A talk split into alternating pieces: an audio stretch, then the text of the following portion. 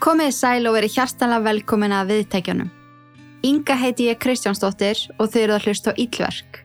Hlaðvarpið sem að hefur svalað forvitni Íslendinga um sannsögulega sagamál síðan 2019. Þið sem að hafið ekkert heyrst í mér síðan 27. november, þá vil ég fá að segja.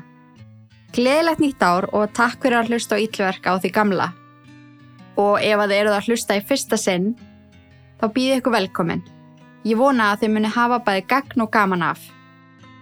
Áður en við hendum okkur að stað í fyrsta fría þátt ársins, en þessi þættir munu sem sé koma út 19. hvers mánadar, þá skulum við aðeins renna yfir það að þessi þáttur er í bóði Sixt bílalegu og Gyðja.is sem er glænýr styrstaræðili sem að ég vil bjóða hjartala velkomin í Ítlörk fjölskylduna. Við skulum heyra nokkur orð um þessi frábæru fyrirtæki. Við kynnum til leiks Gyðja.is Vefverslun sem að selur unaðsvörur í miklu úrvali á sangjötnu verði. Verslunin leggur mikið upp úr skemmtilegu og fjölbreyttu úrvali og þar er ég sko sammála.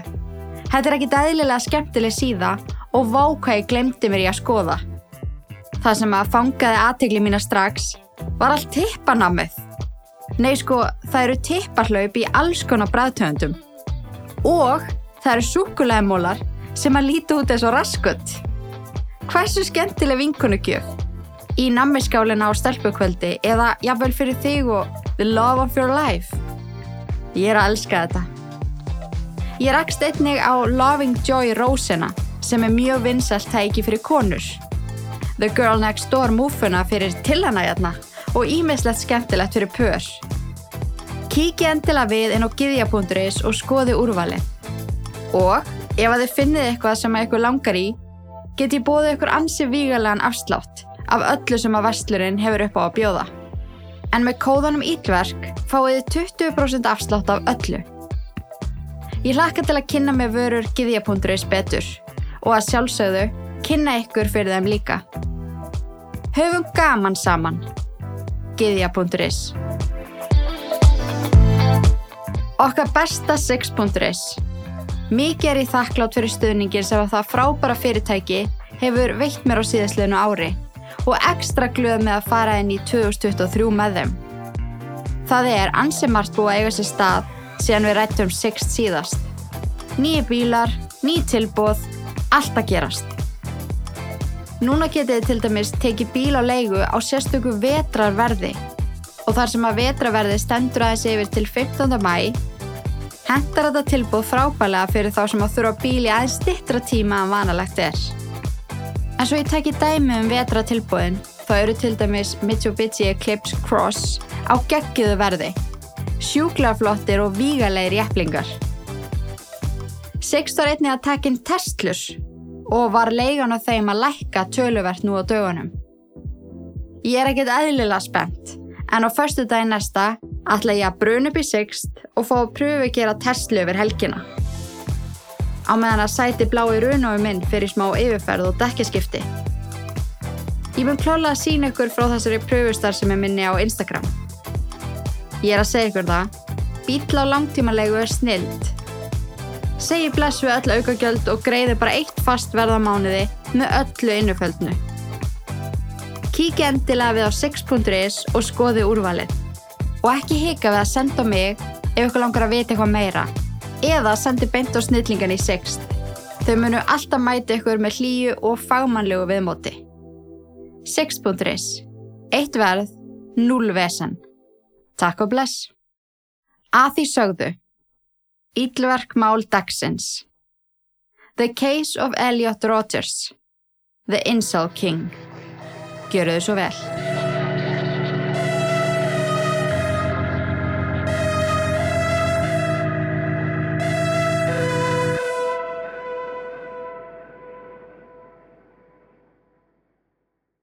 Einstaklingar sem að kalla sig incels hafa verið mikið umræðinni síðastlina vikur. Þá sérstaklega því að Brian Koberger, hinn grunaði í Idaho 4 morðmálinu, er talin af mjög mörgum partur af því samfélagi, ef svo má kalla. Ef að þið hafi ekki heyrst um Brian Koberger eða Idaho 4 sem er morðmál þeirra Sana Kernudl, Madison Mogen, Ethan Chapin og Kylie Concalves, þá fjallaði ég um það mál í síðasta fría þætti sem að koma út þann 27. november síðastliðin. Síðan sá þáttur kom út er margt nýtt komið í ljós og loksins ykkur grunar í málinu. En fólk hefur rætta alveg sérstaklega upp á síðkastið hvort það geti verið að Brian sé eitthvað sem að kallast incel og hann hafi mist þessa fjóra ungu einstaklinga vegna hatus og afbreyðsemi. Personlega þá hafði ég ekki hugmyndum hvað incel var fyrst þegar þessi umræða kom upp á yfirborðið og ég vildi þess að kynna mér það svo ég skildi betur hvað fólk áttu við. Og ég er að segja ykkur það, það var alveg að hóla, mjög djúb en á sama tíma mjög áhugaverð. Í kjölfarið af þessari rannsóknarvinnu datt ég ná annað mál sem er mjög þekkt og þó sérstaklega í Incel heiminum þar sem að glæpamæðurinn er kallaður Incel King. Og ég hugsaði strax, ég verða að gera þátt um þetta því að þetta er gjörsanlega styrlað. Ég vil samt taka það fram því að ég veitur víst að það eru til incels á Íslandi og ég er ekki að setja út á samfélagið og þeir séu til staðar fyrir hvort annan eða hvort annað og ræði sín á milli allskonar á meðan það skadar ekki aðra. En ég get líka sagt það að ég vildi óska þess að incels breyttu hugafæri sínu og fengju hjálp. Það er ekkit eðlilega sorglegt að fólk kjósi í alvöru að lifa lífi sínu svona og ég raun lifi sem fórnalamp alla daga. Það lítur að vera mann skemmandi. En ok, hvað er að vera incel? Ég held að veri mjög sniðut að kynna okkur það áður en að við höldum áfram.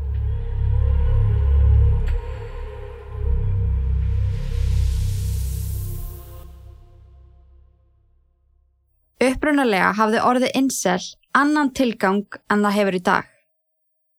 Alana, ung kona frá Toronto í Kanada, var mjög einmanna og henni gekk ítla í tilhuga lífinu. 25 ára gömul árið 1997 fekk hún alveg nóg. Hún óttaðist það að finna aldrei ástina, eignast aldrei börn, gifta sig aldrei, svo hún ákvaði að gera eitthvað í málunum. Árið 1997 hafði fólk ekki Facebook, Instagram, MySpace, Tinder, alla þessa staði til þess að hitta fólk. Svo þá þurfti að stóla svolítið á það að hitta einhvern á djamminu eða í smá auglýsingum í blaðinu. Það virkaði vissulega fyrir suma en þeir sem á voru feimnir, leið ítla með sjálfa sig eða stunduða ekki að fara út að skemta sér, þá var þetta allt saman mun floknara.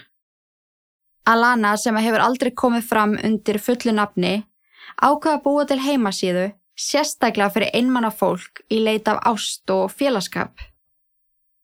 Hún vildi að síðan væri notalegur og örugur staður þar sem að þú gafst spjalla við fólk um allan heim. Heimasíðan fekk nafnið Involuntary Celibate eða Tilneitt skirlífi. Síðan var mjög vinsæl og fólk nýtti sér vettvangin óspast. Þannig að það talaði um hversu einmannaða var og hinnir tengdu því að þeir voru á nákvæmlega sama stað. Hellingur af fólki hittist í gegnum þessa síðu. Sum samböndin gengu upp, önnur ekki. En fólk misti þó ekki móðin því að það vissi að það gætt farið aftur inn á síðuna og haldi áfram að leita án þess að nokkur dæmdi þau.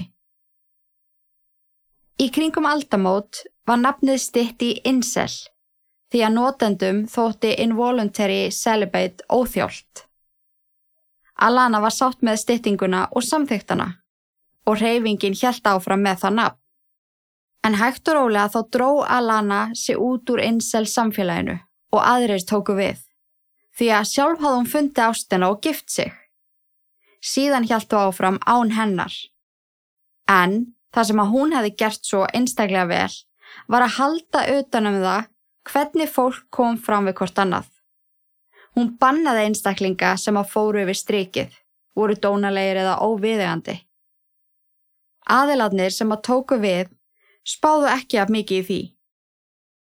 Með tímanum tóku einmanna karlmenn yfir síðuna og konum fór fækkandi því að karlarnir stunduða að nýðast á þeim. Og með tímanum var síðan að stórum vettvang fyrir karla sem að hata konur. Og karlarnir inn á þessari síðu voru á þeirri skoðun að ömulagt líf þeirra, ást og kynlífsleysi sé konum að kenna.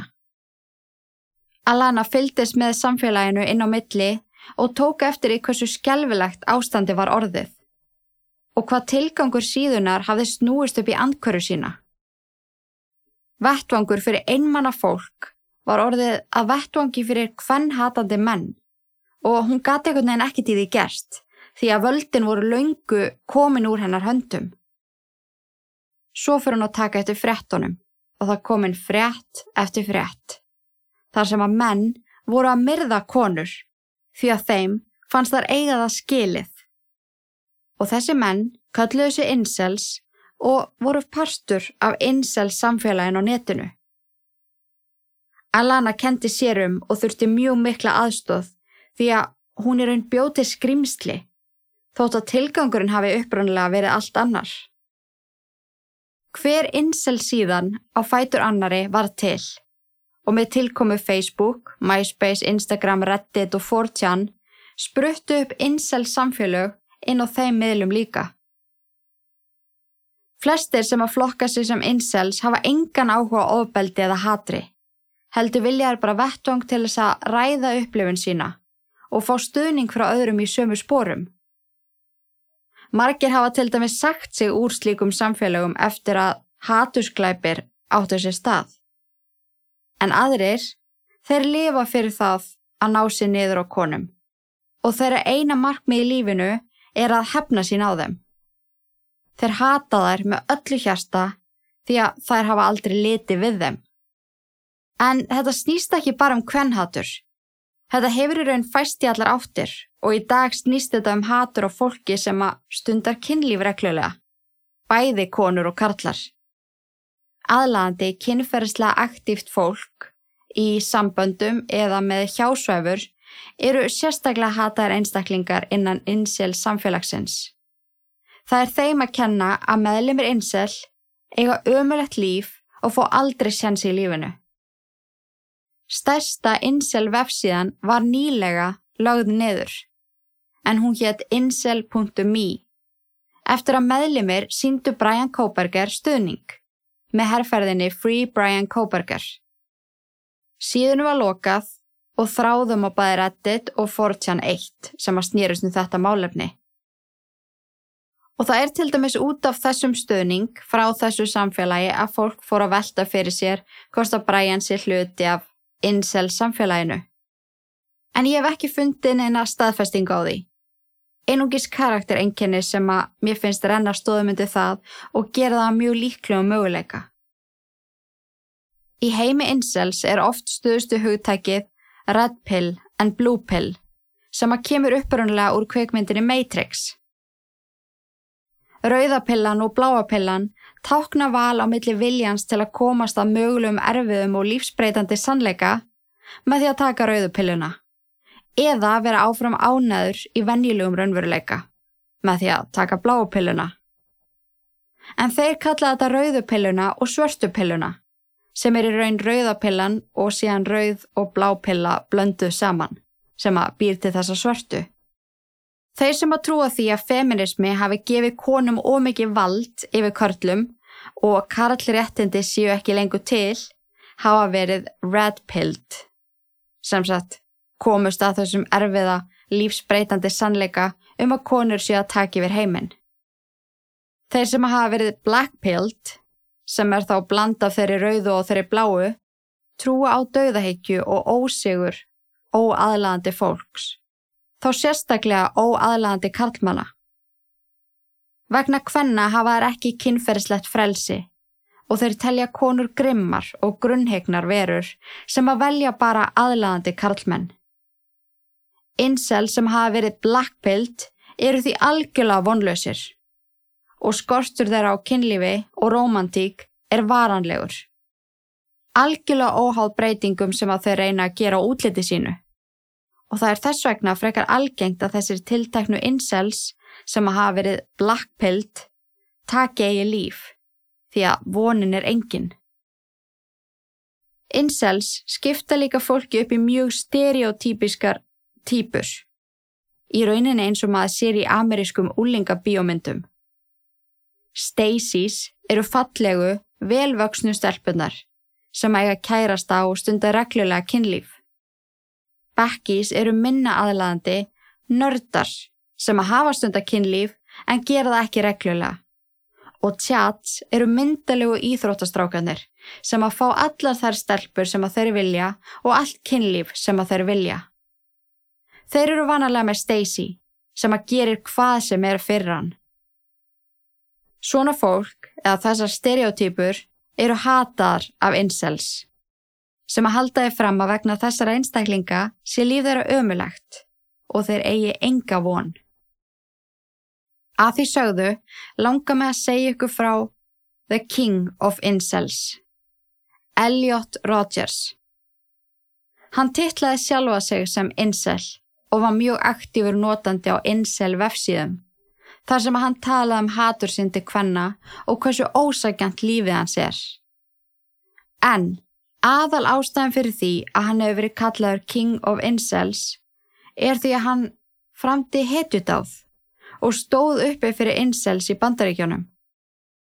Á meðan þeir kallaði þetta hetjutáð, kalluðu allir hinnir þetta harmleik sem átti um ókomna tíð eftir að setja sem fastast í íbúum Isla Vista í Kaliforníu. Elliot Roger here. Right now I'm just taking a walk through the park in this really nice secluded area. I'm just contemplating about my life and how unfair it's been lately. How it's been unfair for the last eight years, ever since I hit puberty. Ever since I started desiring girls, but they never desired me back. Life has been a living hell since then. I've been all alone. Right now it's spring break. Everyone else my age is out having fun with their friends and their girlfriends. Here I am taking lonely walks through a park. But still, I have to admire the beauty of this place. I mean, look at it.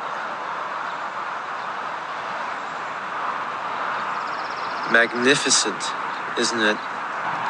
Whenever I come here, I try to develop a sense of peace a sense of escape from my troubles in life. I mean, even though I'm lonely here, the serenity of it all just makes me try and forget about it. Elliot Oliver Robertson Roger var fættur þann 24. júli árið 1991 í London á Englandi. Sónu Peter Roger og Lee Jean Roger. Þeir kannist kannski við nafnið Peter Rogers, en hann er bresku ljósmyndari og kveikmyndaframleðandi. Hann var til dæmis aðstofa leikstjóri af The Hunger Games. Mamma Elliot, Lee Ching, kynntist Peter á setti og þau giftu sig rúma ári síðar. Þegar Elliot var fimm ára gammal flutti fjölskyldan frá London til Los Angeles vegna vinnu Peters. Þessi breyting reyndist Elliot mjög erfið. En á þessum tíma voru fóreldra hans farnir að taka eftir ákveðinu hegðunarminstri sem að þau hafðu ágjur af. Elliot sagði mjög fátt en náði þó góðu auksambandi en svaraði ekki nema hann væri spurður mjög direkt spurninga. Hann var ekki fær um spjall. Hann yðaði stanslaust og hjælt um eirun við minsta háfaða eða hládrasköll. Fóreldra hans fóru með hann til barnalæknis sem að sagði þeim að hafa engar áhyggjur. Börn veru mismunandi og hegðun hann sætti að öllum líkindum eftir að breytast með þroska. Þau fóru svo líka að taka eftir því að þegar Elliot varð reyður eða ósáttur, sagði hann ekkert. Hann öskraði ekki eða barði frá sér, heldur spenntist allur líka með hans og hann beit tönnunum svo fast saman að það brotnaði úr þeim. Þegar Elliot lærði að skrifa, þá kaus hann að eiga samskipti með litlu miðum og skrifaði hjá sér allar upplýsingar. Hann trommaði stanslust á lærin og tærnar og fæturnar voru alltaf á yði. En læknar höfðu ekki miklar áhugjur. Sögðu fóreldrunum að fylgjast bara vel með og passa að veitunum næga ást og umhyggju. Rúma ári eftir að fjölskyldan flutti til Los Angeles, eignust Pítur og Lee annað barð saman, stelpu sem hefði skýrðuð Georgiu. Það hafði veruleg áhrif á Elliot að vera ekki lengur enga barð fóreldra sinna og hann öfundaði sýstu sína og alla aðteglana sem hún fekk. Ástandi vestnaði bara þegar Elliot var tilkynnt að foreldra hans væru að skilja í lokásins 1997, eitthvað sem að hann tók verulega nærið sér og allur árangur sem að hann hafi náð með auka tjáningu og tilfinningar fór aftur tilbaka. Pítur giftist marakosku leikonunni Sumai Abu Gun aðeins nokkru mánuðum eftir skilna við Lou og var Elliot virkilega ósáttu við það sem barn. En þegar hann var svo úlingur talaði hann um hversu svalur pappans væri að hafa náð sér í nýja konu svona fljótt og þó sérstaklega svona fallega, fræga og ríka. En þráttur að hafa þessa skoðun þá átti Elliot aldrei eftir að líka vel við nýju stjúpmóðu sína og Í rauninni þá líkaði henni ekkert sérstaklega vel við hann heldur. Henni fannst hann frekur, hrókafullur og tilællunarsamur, sem að eru klárlega karakterenginni sem að Elliot tók með sér inn í úlingsárin. Hann átti verulega erfitt með samskipti við aðra krakka og hann let út úr sér undarlega hluti, eins og til dæmis það að hann hati sæta stelpur. Hann villi ekki fór út að borða því að þar geta hann síð ástfangin pör sem hann þólar ekki að horfa upp á. Og að einn daginn mun hann hefna sín á heiminum fyrir að vera svona ósangjarn. Þegar hann var 16 ára gammal þá ákveðu fóreldra hans að íta verulega á að hann fengi aðstóð. Það var eitthvað að, sem að þau gáti ekki beint sett puttan á, en þau vissu bara hegðun hans var ekki venjuleg. Elliot er þá greindur með Pervasive Developmental Disorder eða PDD. Röskun eða hömlun sem að vísar til hóps trublana sem að engjannast af senkun á þróun félagsmótunar og samskiptafærni. PDD var upprannlega í DSM-4 og flokkaðist undir einhverfu en í DSM-5 flokkast þetta undir einhverfu róf. Það kom einni í ljós verulegt þunglindi og mikill kvíði. Hann fekk lefið því sem að hjálpa honum gríðarlega og þá sérstaklega með þunglindið sem að gæt orðið ofsalað djúft. Ég held að ég hafi aldrei nokkuð tíma hlustað á mannesku eins og Elliot tala.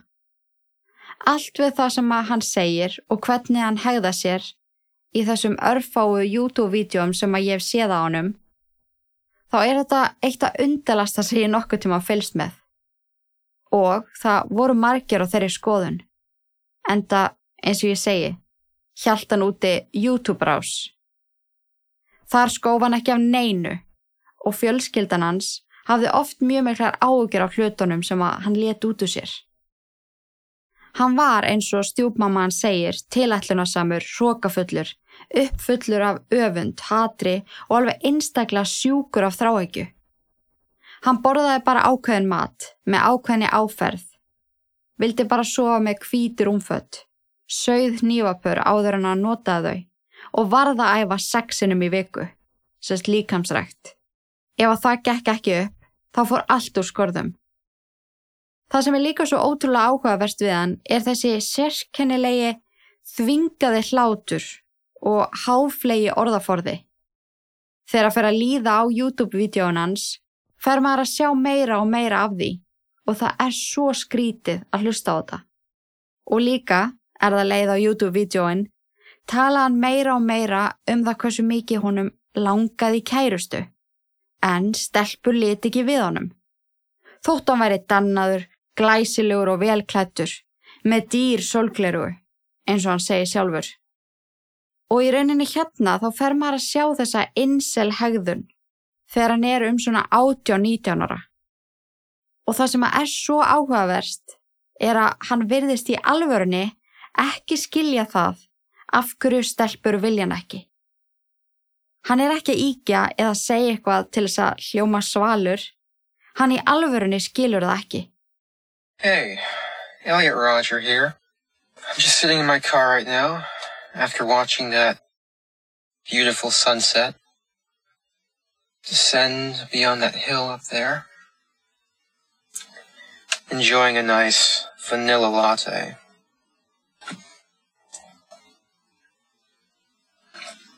Oh yeah. That's nice. Makes me feel all pumped up. I've been doing a lot of thinking about how sad and unfair my life has been.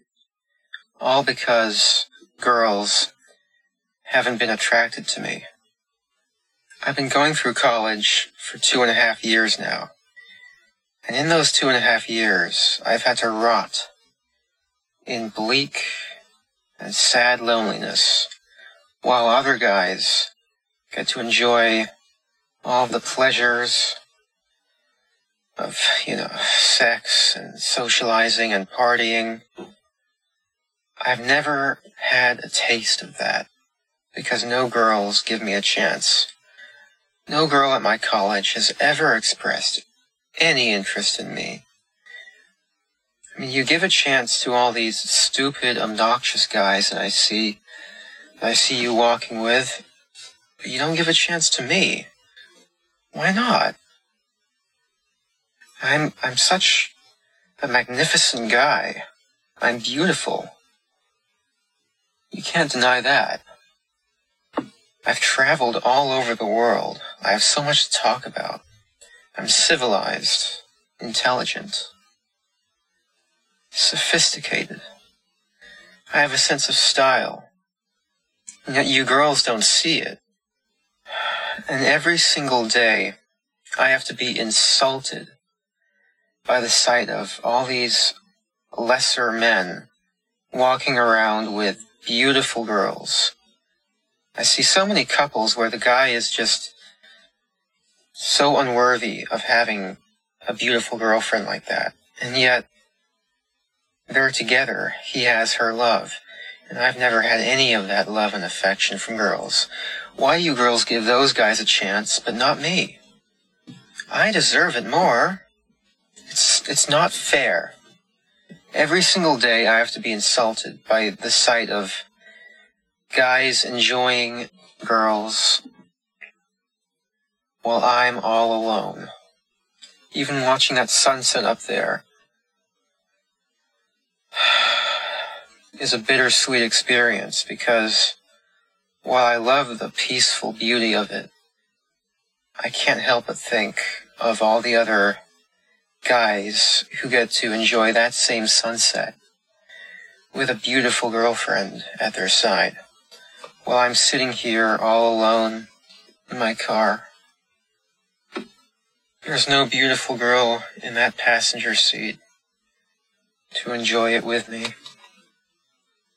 Because you girls have something against me. I don't know what it is.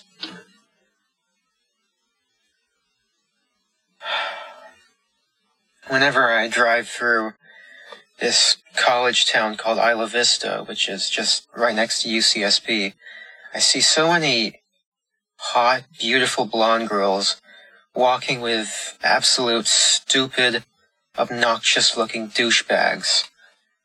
And I just can't help but think how wrong that is. Those beautiful blonde girls should be walking with me. Not those brutes. I deserve them more. Why do those horrible men get to experience the love and affection of such beautiful, heavenly girls, while I've had to rot in loneliness all my life? It's not fair. It's such an injustice. I don't understand you girls. It's like Your sexual attraction is flawed. It's perverted. You're attracted to the wrong kind of guy. You should be attracted to guys like me. Beautiful, magnificent guys. This world, it's so twisted. It's so cruel. And you girls make it cruel. You girls have starved me of sex and enjoyment and pleasure for my entire youth. You've taken eight years away from my life. Eight years I'll never get back. Do you know how much misery you've caused me? I'm such a nice guy. Why won't you give me a chance? Ofan á það að þrá kærustu en vera búin að átta sig á því að hann mun aldrei fá kærustu af því að stelpur hatan og hann hatar þær þá sömu leiðis, þá öfenda hann aðra því að aðrir áttu betra líf en hann.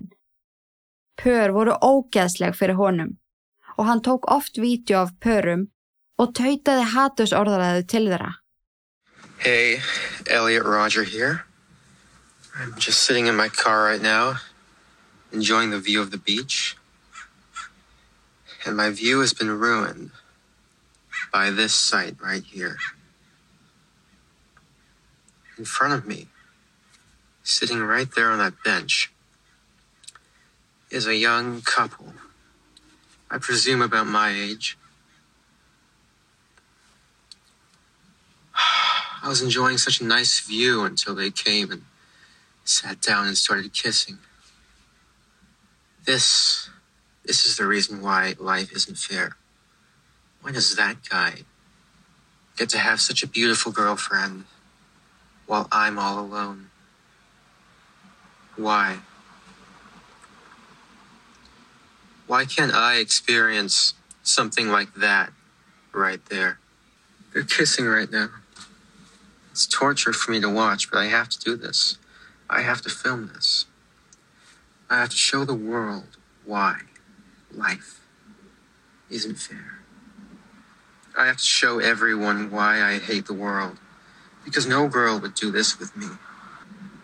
Look at them. He's in heaven right now, sitting on this beautiful beach with his beautiful girlfriend, kissing her, feeling her love, while I'm sitting here all alone because no beautiful girl wants to be my girlfriend.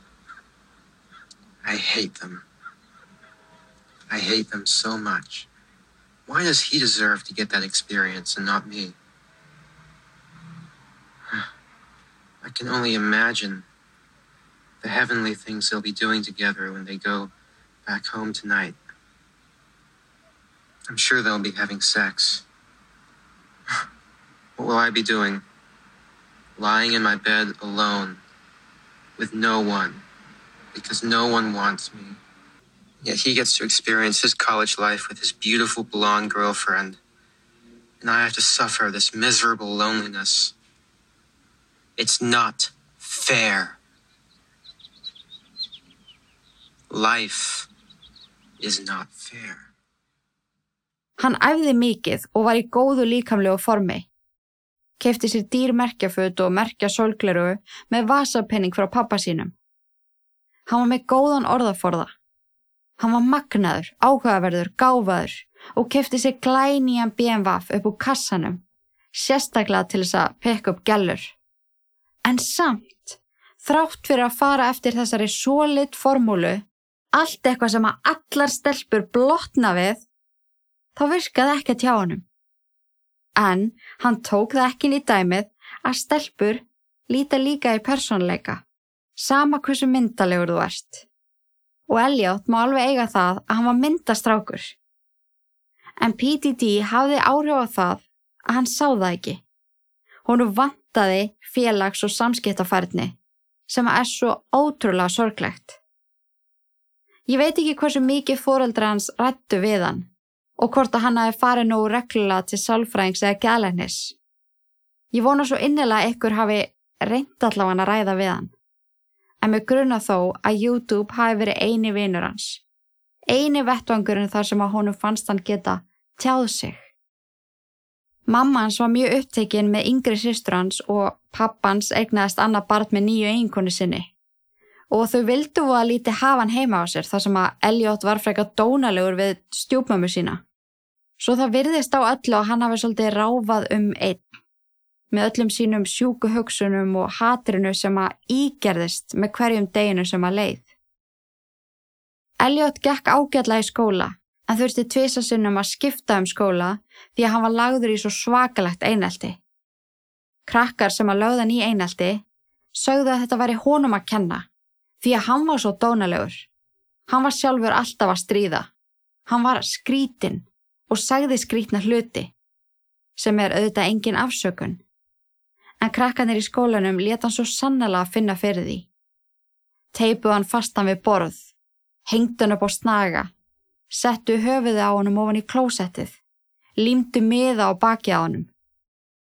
Á meðan á erfiðustu tímanum stóð og Elliot kom grátandi heim úr skólanum daglega, þá sótt hann mikið í tölvuleiki, til dæmis World of Warcraft og Halo, ásandi að horfa aftur og aftur á Game of Thrones. Í tölvuleikjunum kynist hann strák sem var með tímanum mjög góðu vinur hans og Elliot segi sjálfur að þetta sé besti vinur sem að hann aðeins nokkuð tíma nátt. Maður getur því rétt ímynda sér hvernig Elliot leið þegar strákurinn hætti algjörlega að svara honum og hætti að tala við hann. Hann varði raun aldrei samur eftir það og gremjan til lífsins tífaldaðist. Hann einangraði sig í tölvuleikjum eða rúndaði einnum á BM-vaffinu sínum og tók upp YouTube-vídeó fyrir rásina sína. Elliot Rogers Official Blog. Hann hætti líka að taka öll lif því að samkvæmt internetleit sem að hann gerði þá henduðu honum alls ekki. Og ef ég tala af reynslu að hætta eitthvað svona geðlefjum er virkilega erfitt og átaganlegt og þú átt ekki gera það einn. Ég veit ekki alveg af hverju þessi ákvörðun er tekinn en kannski töldu fóreldra hans þetta vera gott skref fyrir hann eða hann hreinlega vildi þetta sjálfur. En hann flytur sér satt eitt til Isla Vista í Kaliforníu og það má eiginlega líka þessum bæ við Moskó og Idaho fyrir þá sem eru all-in í því máli. Þarna búana er einungis háskólanemendur, bæði á háskóla görðunum og einnig í off-campus húsnæðum. Það virðist á öllu, allavega meða við það sem að ég kynnt mér, að mögulega hafi fóröldra hans haldið að hann væri að fara í skóla en það gerði hann ekki og hann hætti líka að mæta til solfræðings sem að hann hafi byrjað að sækja í kringum 19 ára. Hegðun, líðan og lífið hans fór algjörlega á hliðina og hann fór að færa reyðina út úr myndavila rammanum. Áður töða hann bara fyrir YouTube-vídeón sín en þarna fyrir hann að ganga upp á fólki og hrauna yfir það.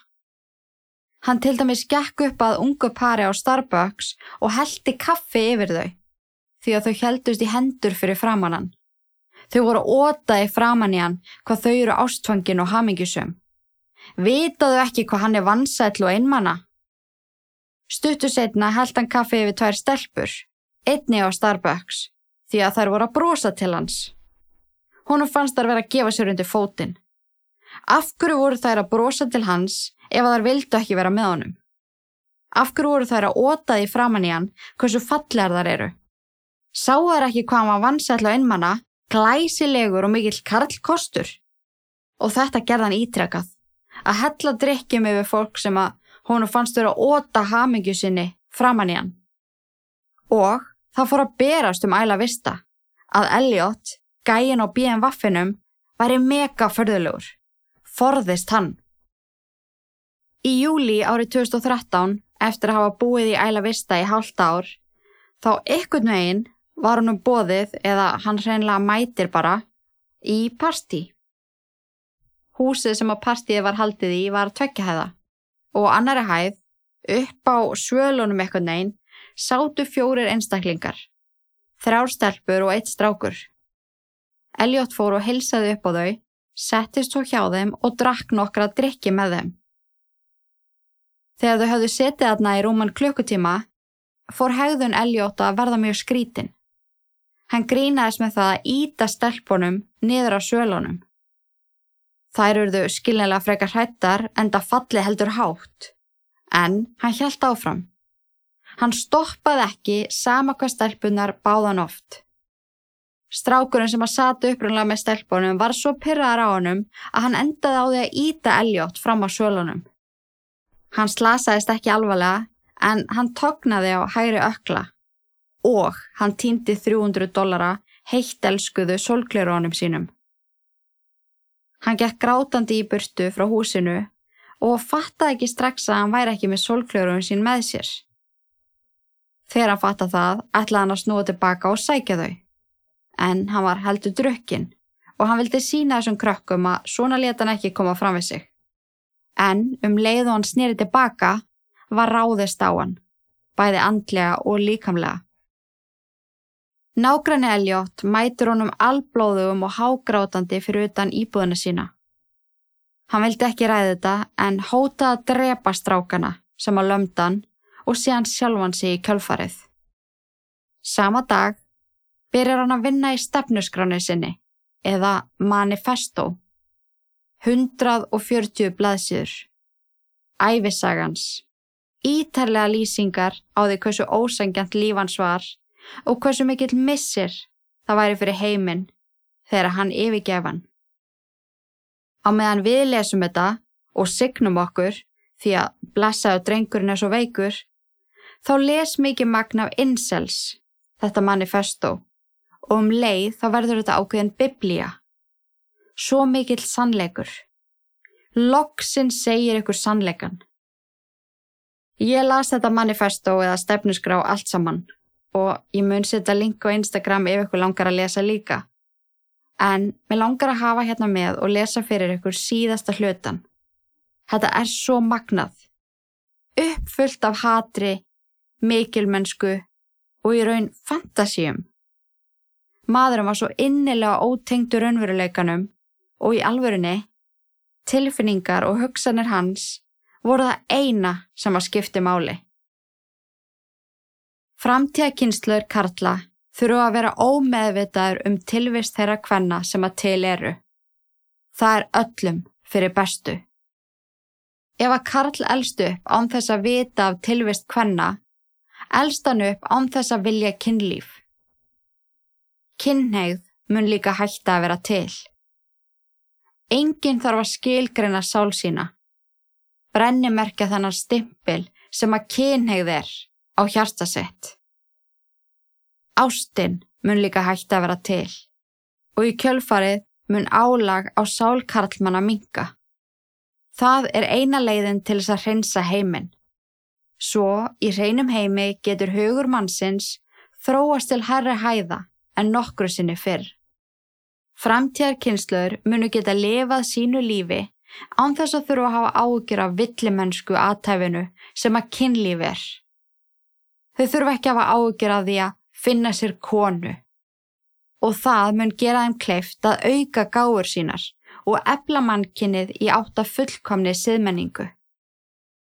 Ég áttaði mig á því fyrir laungu að það er engin leið að ég geti náð slíkum kraft á lífsleðinni ekki eins og heimurinn er núna. Það sem ég raunverulega vill verður aldrei að raunveruleika fyrir mig. En það gefur mig svo mikið að hugsa og fantasera um haturinn innra með mér í garð allra kvenna, fyrir að hafa hafna mér í gegnum tíðina. Þessi hugmyndafræði og stefna um að afnema kynlíf stafar að því að vera sviftur því allt mitt líf. Ef að ég get ekki fengið það, mun ég gera allt sem að ég get til þess að eiðalegja það. Skipula mitt fyrir daginn sem að ég mun refsa öllum konum sem að hafa hafna mér er tilraun mín til þess að gera allt sem að í mínu valdi stendur til að eiðalegja allt sem að ég get ekki átt.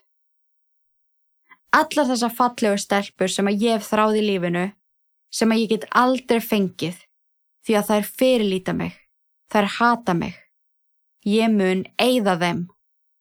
Allt þetta vinsala fólk sem að lifir lífi fullt af ánæju, ást og kynlífi, ég mun eigða þeim. Því að þau lefðu mér aldrei að vera hluti á hópnum. Ég mun drepa þau öll, ég mun láta þau þjást, eins og þau hafa látið mig þjást. Það er alvöru sangirni. Það er mín hemd. Af hverju þarf þetta enda svona? Það er líklega spurning sem að allir munu spyrja eftir daginn sem að ég mun hefna mín. Það munu allir spyrja. Af hverju? En það er einmitt spurningin sem að ég hef spurt mig að í gegnum öll mín þjáningar ár. Af hverju var ég dæmdur til að lifa í eind? Af hverju kom allir fram við mig eins og ég sé einskis virði? Á meðan aðrir karlmenn gáttu upplifa hamingu, ást og kynli með konum. Þeir spurjið, af hverju þurfa hlutinir að fara svona? Og ég spyr ykkur tilbaka, af hverju? Allt sem að ég hef alltaf þráð er að elska konur og vera elskaður af þeim tilbaka. En ég hef einungis fengið hatur frá þeim. Og fyrir það, þá hata ég þær og ég á rétt á því. Ég er hér eina sanna fórnalamb í þessu öllu saman. Ég er góði gæin. Mannkinni brást mér með því að dæma mig til þess að lifa í svona mikillir þjáningu. Ég bað ekki um þetta. Ég vildi þetta ekki. Ég byrjaði ekki þetta stríð. Ég var ekki sá sem að brást fyrst. En ég mun hefna mín og ég mun gera það með að bregðast mannkinninu tilbaka. Ég mun refsa öllum og það verður fallegt. Loksins. Loksins get ég sínt heiminum sannleikan og hversu merkilegur ég er. Elliot Oliver Rodgers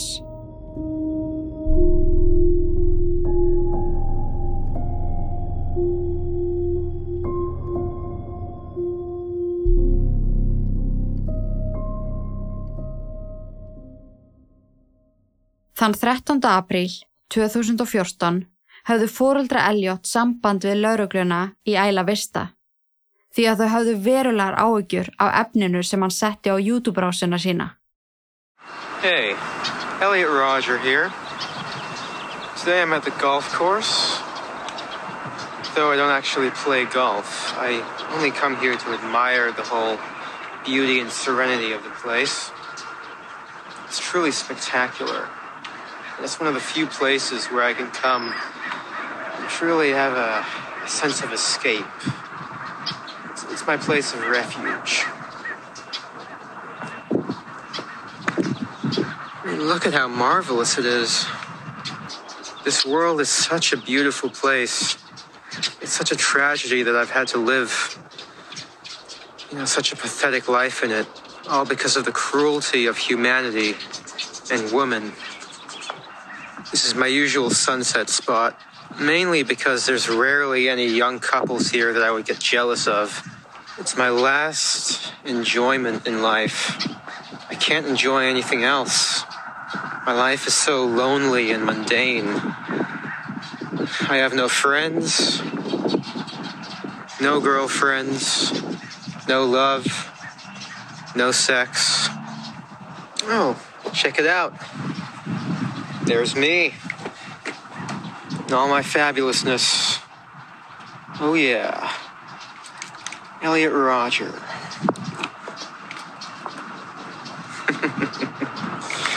I am so awesome.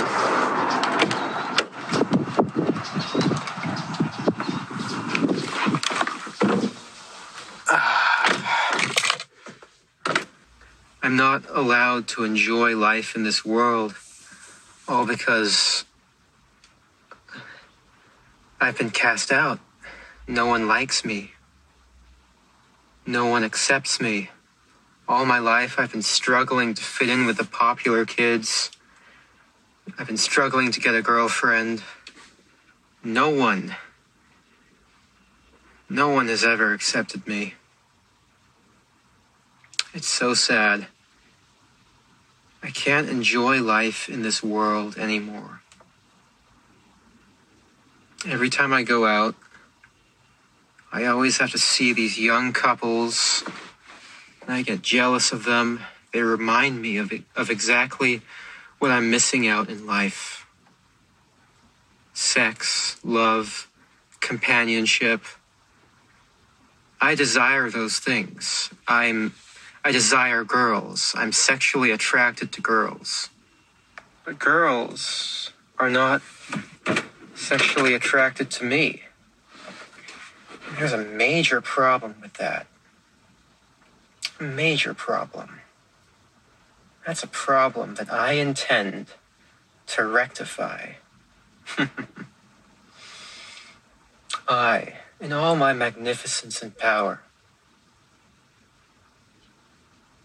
I will not let this fly. It's an injustice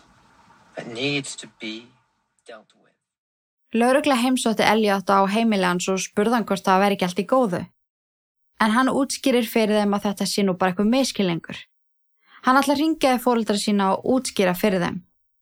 Svo laurugla, hún fer bara og gerir ekkert meira í þessu. Elliot ringir ekki í fóröldra sína. Heldur hjælt hann áfram að skipulegja eigðileggingu og morð á öllum þeim sem að hafðu komið illa fram við hann í gegnum tíðina. Alla sem að höfnu honum um ást, hamingju og kynlíf. Elliot ákvað að á Halloween árið 2014 ætlaði hann að framkvæma eyðinguna og þánga til ætlaði hann að vinna í stefnuskráni sinni. En hann kláraði hann á tveim dögum og hann vildi alls ekki býða, svo hann valdi nýja dagsinningu sem að varð 24. mæ 2014. Hi, Elliot Roger here. Well, this is my last video. It all has to come to this. Tomorrow is the day of retribution. The day in which I will have my revenge against humanity, against all of you. For the last eight years of my life, ever since I've hit puberty, I've been forced to endure an existence of loneliness, rejection, and unfulfilled desires, all because girls have never been attracted to me. Girls gave their affection and sex and love to other men, but never to me. I'm 22 years old and I'm still a virgin. I've never even kissed a girl. I've been through college for two and a half years, more than that, actually. And I'm still a virgin. It has been very torturous. College is the time when everyone experiences those things such as sex and fun and, and pleasure. But in those years, I've had to rot in loneliness. It's not fair. You girls have never been attracted to me. I don't know why you girls aren't attracted to me, but I will punish you all for it. It's an injustice, a crime, because I don't know what you don't see in me. I'm the perfect guy. And yet you throw yourselves at all these obnoxious men instead of me, the supreme gentleman. I will punish all of you for it.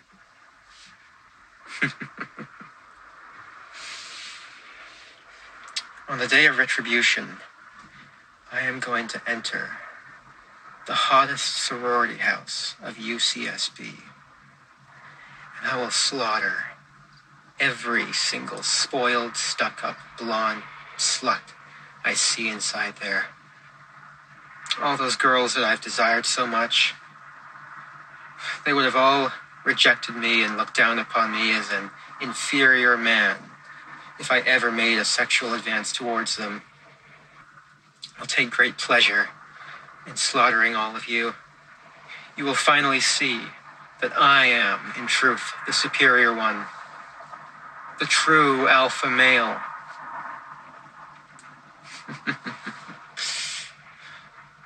yes. After I've annihilated every single girl in the sorority house, I'll take to the streets of Isla Vista and slay every single person I see there. All those popular kids who live such lives of hedonistic pleasure while I've had to rot in loneliness for all these years. They've all looked down upon me every time I tried to go out and join them. They've all treated me like a mouse. Well, now I will be a god compared to you. You will all be animals. You are animals, and I will slaughter you like animals.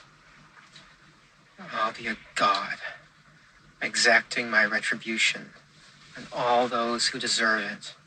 And you do deserve it, just for the crime of living a better life than me. All you popular kids, you've never accepted me. And now you'll all pay for it. Girls, all I've ever wanted was to love you and to be loved by you. I've wanted a girlfriend. I've wanted sex. I've wanted love, affection, adoration. But you think I'm unworthy of it. That's a crime that can never be forgiven. If I can't have you, girls, I will destroy you.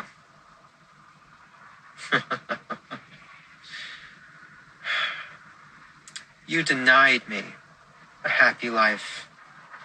And in turn, I will deny all of you life. it's only fair. I hate all of you. Humanity is a disgusting, wretched, depraved species. If I had it in my power, I would stop at nothing to reduce every single one of you to mountains of skulls and rivers of blood. And rightfully so. You deserve to be annihilated. And I'll give that to you. You never showed me any mercy, and so I will show you none. you forced me to suffer all my life, and now I'll make you all suffer. I've waited a long time for this. I'll give you exactly what you deserve, all of you, all you girls who rejected me and looked down upon me and, you know, treated me like scum while you gave yourselves to other men. And all of you men for living a better life than me, all of you sexually active men, I hate you. I hate all of you. I can't wait to give you exactly what you deserve utter annihilation. Stefnuskrána senda hann svo til 35 einstaklinga. Þar á meðal fóreldra sinna, fyrir um sálfræðings, fyrir um kennara og æskuvina. Svo fór hún út í bíl, kerði á afskektan stað, horði á útsinnið og tók upp síðasta YouTube-vídeói sitt. Tekið upp þann 23. mæ 2014. Planið var að byrja á að myrða stjúpmöðu sína og halvbróður þegar að pappans var í vinnunni. Því hann var ekki tilbúin andlega til þess að myrða pappa sinn. Því að hann var í litlum hópu þeirra sem að þóttu vendum hann. En stjúpmamma og halvbróður, hann hataði þau bæði.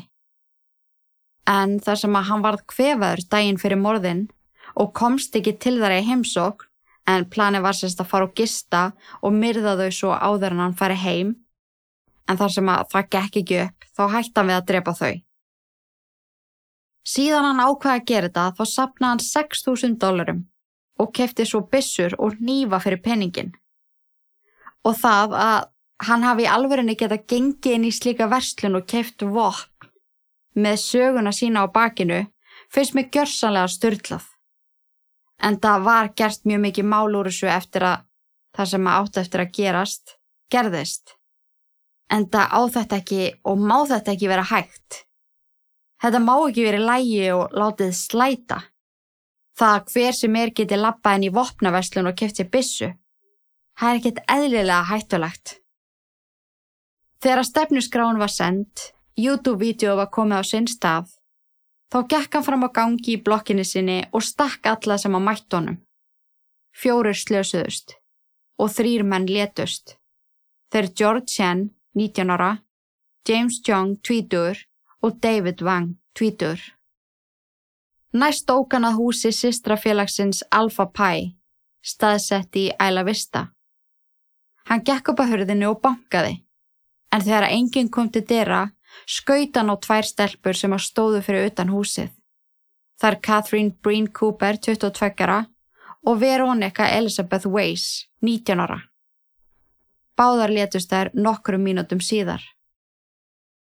Um hálf tíu, morgunin 23. mæ, hafðu báði fóreldrar Elliot séð stefnuskrána og YouTube-vídeóin og ringdu ítrekka á laurugluna í æla vista.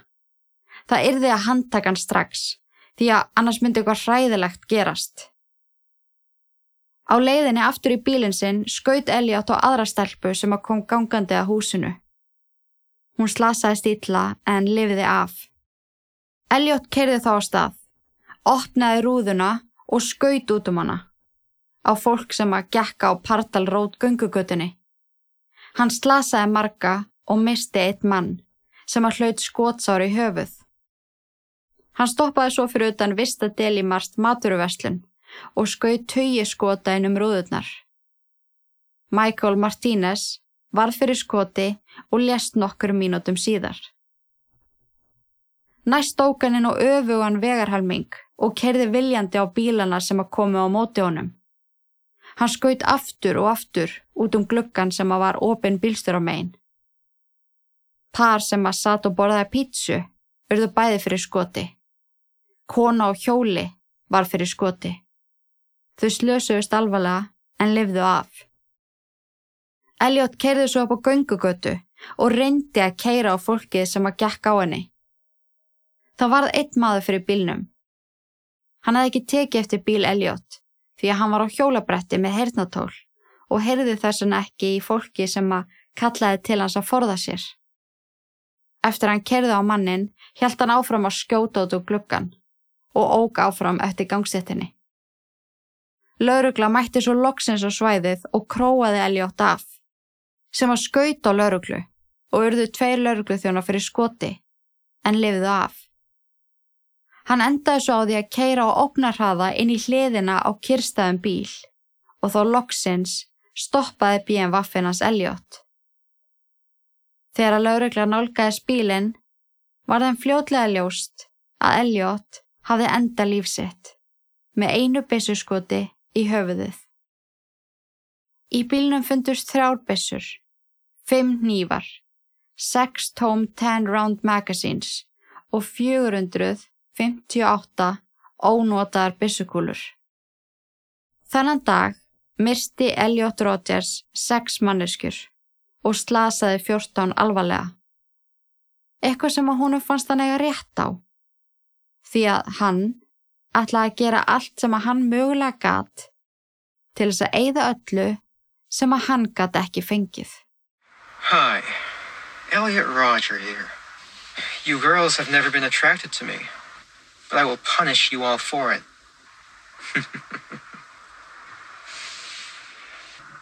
I'll take great pleasure in slaughtering all of you. Well, now I will be a god compared to you. If I can't have you, girls, I will destroy you. I hate all of you. and all of you men for living a better life than me. All of you sexually active men, I hate you. I hate all of you. I can't wait to give you exactly what you deserve utter annihilation. Hefði verið hægt að gera eitthvað? Getið ímyndað ykkur hvað er mikið til að virkilega andlega veiku fólki í heiminum sem að hættir á livjónu sínum, neytar aðstóð hatar heiminn og mannkinnið. Þetta er hættulegt dæmi og þó sérstaklega því að það eru aðrir einstaklingar sem að kalla sig incels sem að líta upp til hans. Og frá því að þessi hryllingur átti sér stað, sem að hefur síðan þá verið kallað The Isla Vista Killings, hefur Elliot verið titlegur The Incel King og þeir sem að stopnuðu Free Brian Koberger eru margir á þeirri skoðun að stefnusgrá Elliot sé biblía og hann hefði svo sannlega átt rétt á því að hefna sín á öllum sem að hafðu hafna honum. öllum sem að upplifðu hamingju, ást og kynlíf, því að hann fekk það ekki. Og ef hann getur ekki fengið það, fær það enginn.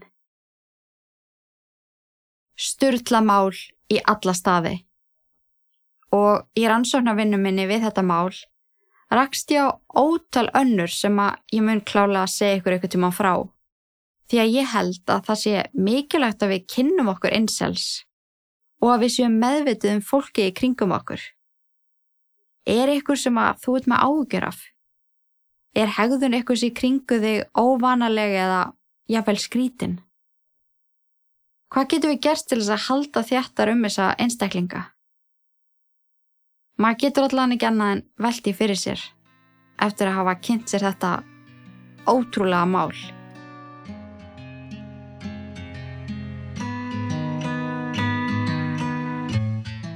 En þakka ykkur kærlega fyrir að hlusta og takk fyrir að vera til.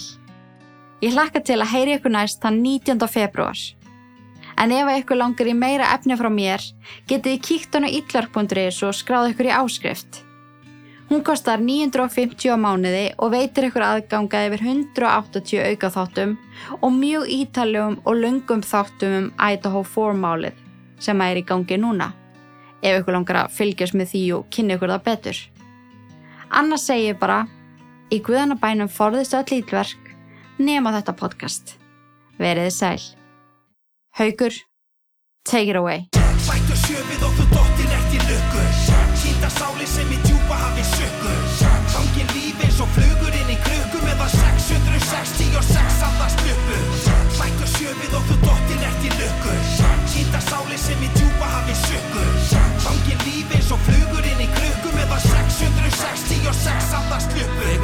Að dimm og frostin ístir inn að beini. Engin engil sem að veiti verði í eðilögðum heimi Sem að lagðist í eði með heift og sakleysingjar týndu lífum.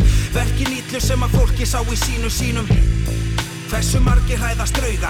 Hversu margir hræðast að það horfi í augu dauða? Saugu taka mann á taugum eins og andar sem að herja mann. Hvaði voru á himnum fyndu engil til að verja mann. Hjartaslæri og það sé með djöfulinn á hælunum Refur á móti hænunum, úlfur með sögða gæru Ílska reykar í bænum og lömpi þakma Þórað ekki að vanda allt og marga sálir sem að tilbyðja fjanda. Hamingja krasar eins og skip sem strandar anda Dráttur milli handa. Hættir að vanda Þegar að þreyttir að hálsi. Þegar ótti tekur yfir missa sakleysingjar bálið eins og nortni galdra fári. Sættu sjöfið og þú dottir eftir lukku.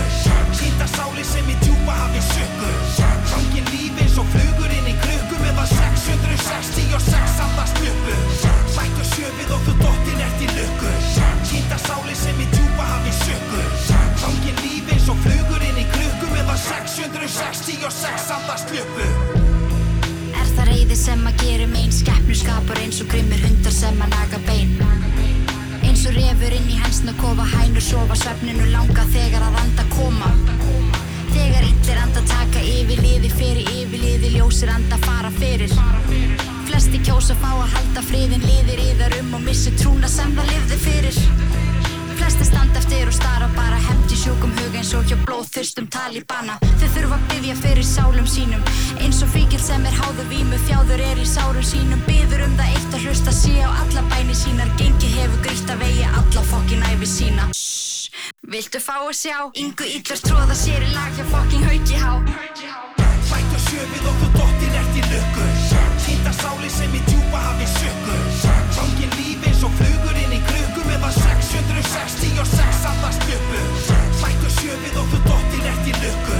Hýta sáli sem í djúpa hafi sökku Hangi líf eins og flugur inn í krukku Meðan 666 allar spjöpu Býðum í andartak, andarfrátur, andarfar. Í andarklassi skilji andar eftir andafar Býðum í andartak, andarfrátur, andarfar. Í andarklassi skilji andar eftir andafar Býðum í andartak, andarfrátur, andarfar.